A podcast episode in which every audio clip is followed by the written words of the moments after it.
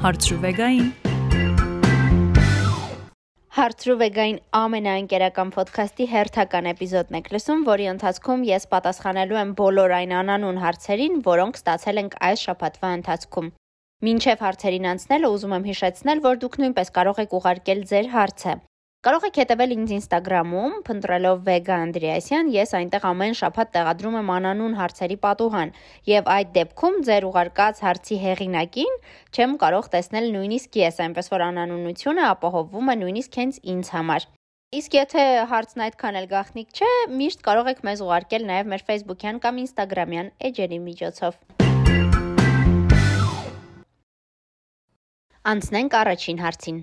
Վեգա, ինչ անել, երբ ահավոր շատ ես հետաքրքրված գոլեգայովդ։ Արդեն 2 ամիս է մեր գրասենյակում նոր աղջիկ կա, որին շատ հավանում եմ։ Զգում եմ, որ ինքն էլ ինձ, բայց նախ անընդհատ առիթ չի լինում մենակ մնալու ու առանձին խոսելու։ Հետո էլ վստահ չեմ, որ արժե ինչ-որ բան սկսել այն մարդու հետ, ում հետ աշխատում եմ։ Ինչ անել։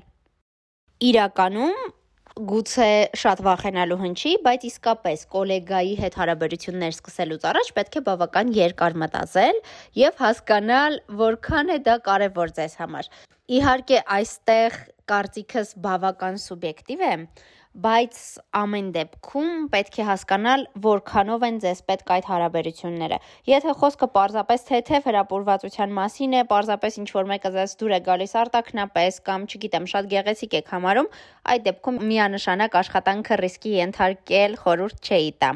Եթե ամեն ինչ ավելի կխորանա հանկարծ, կզգաք, որ դուք սիրահարվում եք, կզգաք, որ գուցե ձեր կյանքի սերն է, այդ դեպքում արդեն արժե մտածել ինչն է ձեզ համար ավելի կարևոր աշխատանքը, թե սերը եւ հարաբերությունները ու անել ձեր քայլը։ Իհարկե, լինում են դեպքեր, երբ հարաբերությունները չեն ազդում աշխատանքի վրա։ Լինում է, երբ մարդիկ թեկուզ կարճատև հարաբերություններ են ունենում, բայց հետո հասկանում են, որ միմյանց համար չեն ստեղծված ու շարունակում են միասին աշխատել նույն աշխատավայրում, մնալ լավ գոլեգաներ։ Հետևաբար այստեղ կարևոր է նաև թե ինչ տեսակ մարդ եք դուք։ Եթե այնպիսի մարդ եք, թե դուք թե դիմացինը, որ եթե հանկարծ ինչ-որ բան չստացվի, կկարողանաք, այսպես ասած, թեթև տանել եւ շարունակել լավ գոլեգաներ լինել,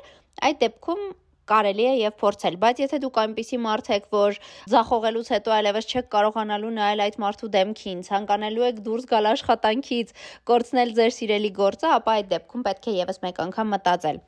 Իդեպ ասեմ, որ բազմաթիվ գործատուներ, այդ թվում Հայաստանում, ունեն կադրային այնպիսի քաղաքականություն, որ չեն խրախուսում աշխատավայրում սիրավեպերը եւ երբ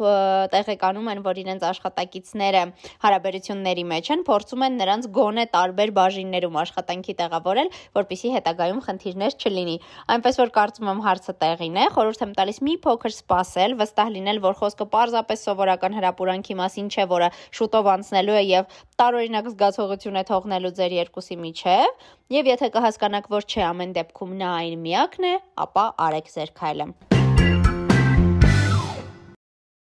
Վեգա 2 օրից աշխատանքի համար հարցազրույցի եմ։ Շատ եմ լարվում։ Ինչ խորհուրդ կտաս։ Իրականում սա նույնպես բավական անհատական դեպք է եւ խորհուրդները շատ ինդիվիդուալ են, կախված թե ինչ ոլորտում եք աշխատանք փնտրում, հատկապես որտեղ եք հարցազրույցի, որքանով է ավելի այսպես լուրջ եւ պաշտոնական կառույց, որքանով է ժամանցային ինչ որ վայր, որտեղ աշխատելու եք, այս ամենը շատ մեծ նշանակություն ունի հասկանալու համար, թե ինչպես է պետք քեզ պահել հարցազրույցի ընթացքում, բայց կարծում եմ մի քանի խորհուրդ կան, որոնք աշխատում են բոլոր դեպքերում։ Առաջինը ինքնավստահությունն է եւ ինքներդ ձեր ուժերին վստահ լինելը։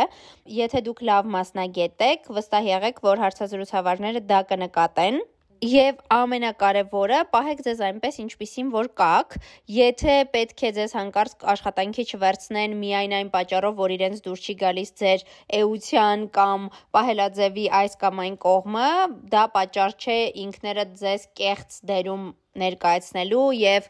ցույց տալու այնպիսին, ինչպիսին չեք հանդիսանում, պատկերացնում եք, դա կնշանակի, որ ստիպված եք լինելու հետո ամբողջ աշխատանքի ընթացքում շարունակել կեղծել ձեր եսը։ Հետևաբար խորհուրդ եմ տալիս թեթև մոտենալ աշխատանքին, թեթև մոտենալ հարցազրույցին, պահել այնպես ձեզ ինչպիսին առօրյայում եք, լինել իհարկե հարգալից եւ մի ամաչեք, մի մոռացեք եւ մի խուսափեք հարցեր տալուց։ Միանգամից գրի առեք այն բոլոր հարցերը, որոնք ձեզ կարող են հետաքրքրել եւ անպայման ուղեք հարցազրույցի վերջում։ Դա ոչ միայն լավ տպավորություն կթողնի այն առումով, որ կհասկանան, որ ձեզ մեկ չէ թե որտեղ եք աշխատում, այլ նաև հենց ձեր համար վստահ եմ հետագայում կարևոր կլինի եւ շատ ավելի լավ պատկերացում կկազմեք, թե ուր եք գնում եւ ինչի հետ գործ ունեք։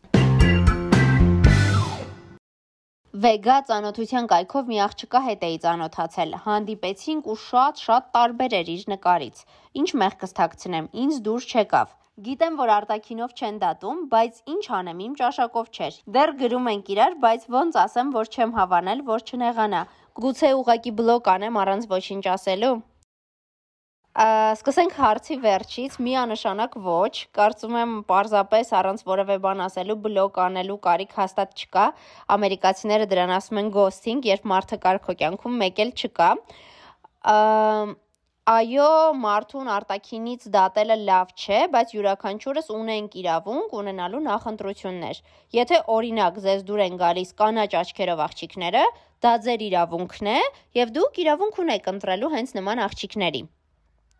այն, որ բոլոր մարդիկ գեղեցիկ են եւ արտակինը տարբեր է լինում, դեռ չի նշանակում, որ մեզ պետք է դուր գան բոլոր արտակինով մարդիկ եւ կրկնում եմ միանգամայն նորմալ է նախընտրություններ ունենալը եւ չկա ոչ մի սարսափելի բան նրա մեջ, որ ձեզ արտակնապես դուր չի եկել, հատկապես որ ցավոք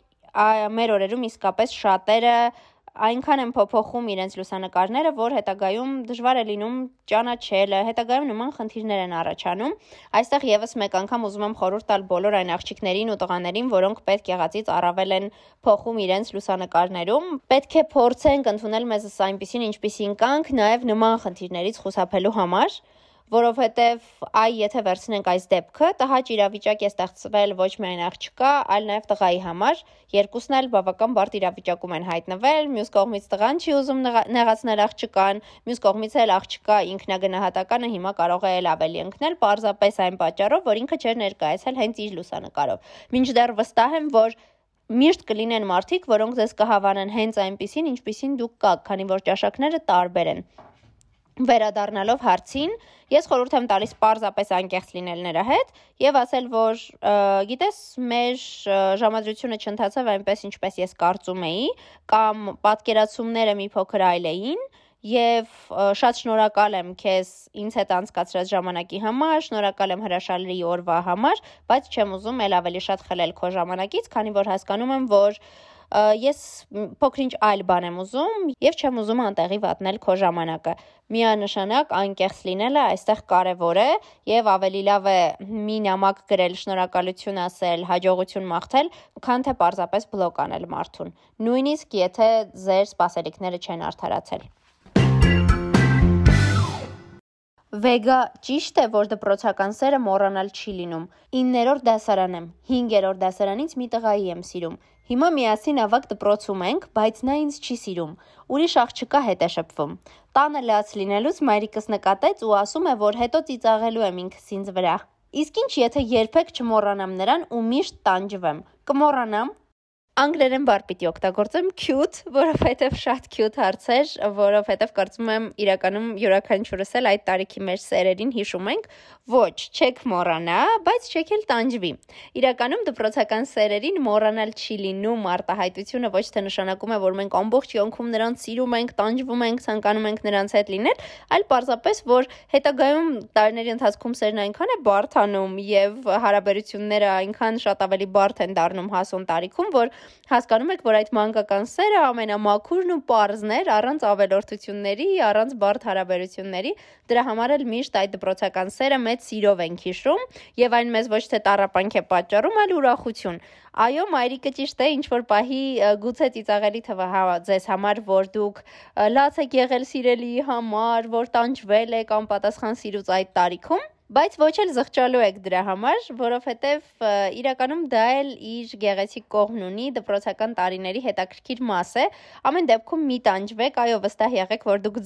ձեր իրական սիրուն դեռ գտնելու եք։ Սա դպրոցական սեր է, որը շատ արագ անցնում է։ Վստահեցնում եմ, որ 1 կամ 2 տարուց, երբ արդեն համալսարանում լինեք կամ այլտեղ սովորելիս, ինքներդ էլ չեք հասկանա, թե ինչպես ձեր ուշադրությունը գրավեց մեկ այլ տղա արդեն համալսարանից կամ քոլեջից Այնպես որ փորձեք ավելի թեթև մոտենալ հարցին, այդքան շատ մի տանջվեք, որքան էլ որ դժվար լինի, եւ վստահ եղեք, որ հենց ձեր դպրոցում, հենց հիմա կամ մեկ այլ տղա էլ, որը ձեզ համար է այդպես տանջվում, գուցե թաքուն արտասվում, որովհետեւ գիտի, որ դուք էլ իրեն չեք հավանում, մեկ այլ տղայի եք հավանում վստահ եղեք, որ այո, մայրիկը ճիշտ է, այդ տարապանքները, այսպես ասած, կանցնեն եւ հետագայում կգտնեք ձեր իրական սերը։ Ու այս սերը չեք մոռանա իսկապես կհիշեք, բայց արդեն ուրախությամբ եւ ժպիտով, գուցե հետագայում ավելի հասուն տարիքում երբ հանդիպեք, պատմեք նրան ձեր դպրոցական զգացմունքների մասին եւ երկուսով ժպտակ, ծիծաղեք ու անցնեք առաջ։ Վեգա հարցս գուցե մի փոքր տարօրինակ հնչի կամ երկար, բայց ինձ իսկապես մտահոգում է։ Ես բնույթով այնպիսի մարդ եմ, որ սիրում եմ միշտ ճշմարտությունն ասել ու པարզ ասել։ Օրինակ, երբ ընկերներիցս մեկը սխալը քայլ է անում, ես չեմ կարող մեջս պահել։ Պետք է ասեմ իրեն այդ մասին ու գուցե եւ կոպիտ ձևով ասեմ։ Հասկանում եմ, որ ամեն ինչ չի, որ իմ գործն է, բայց միշտ կարծում եմ, որ իմ պարտքն է ասելը, որ եթե ես չասեմ, այլևս ոչ մեկ չի ասի։ Հասկանում եմ նաև, որ գուցե նեղացնում եմ մարդկանց։ Ինչ անեմ, ոնց փոխվեմ։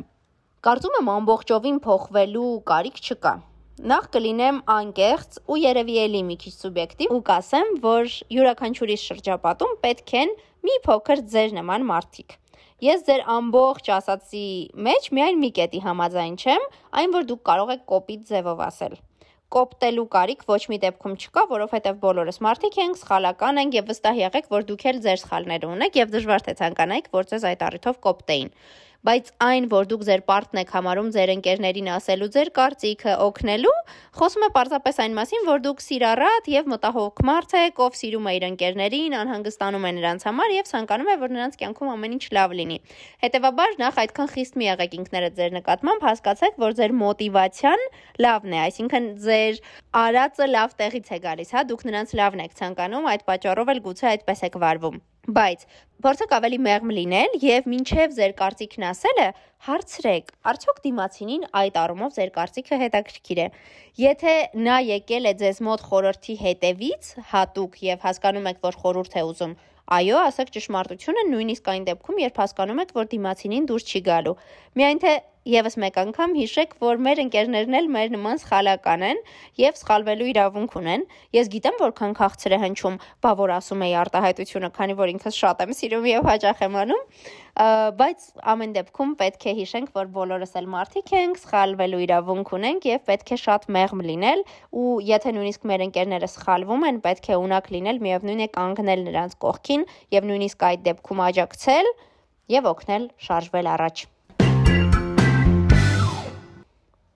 Այս շաբաթվա համար առանձնացրածս հարցերն այսքանն էին։ Ուզում եմ հիշեցնել, թե որ հարթակներում կարող եք մեզ լսել։ Գտեք մեզ Spotify-ում, Apple Podcast-ում, Google Podcast-ում, լսեք մեզ 103 եւ 8 հաճախականությամբ եւ մեր կայքում imradio.am։ Մի մոռացեք հետեւել մեզ նաեւ Facebook-ում եւ Instagram-ում։ Ձեզ հետ Վեգա Անդրեասյանն էր, կհանդիպենք հաջորդ շաբաթ։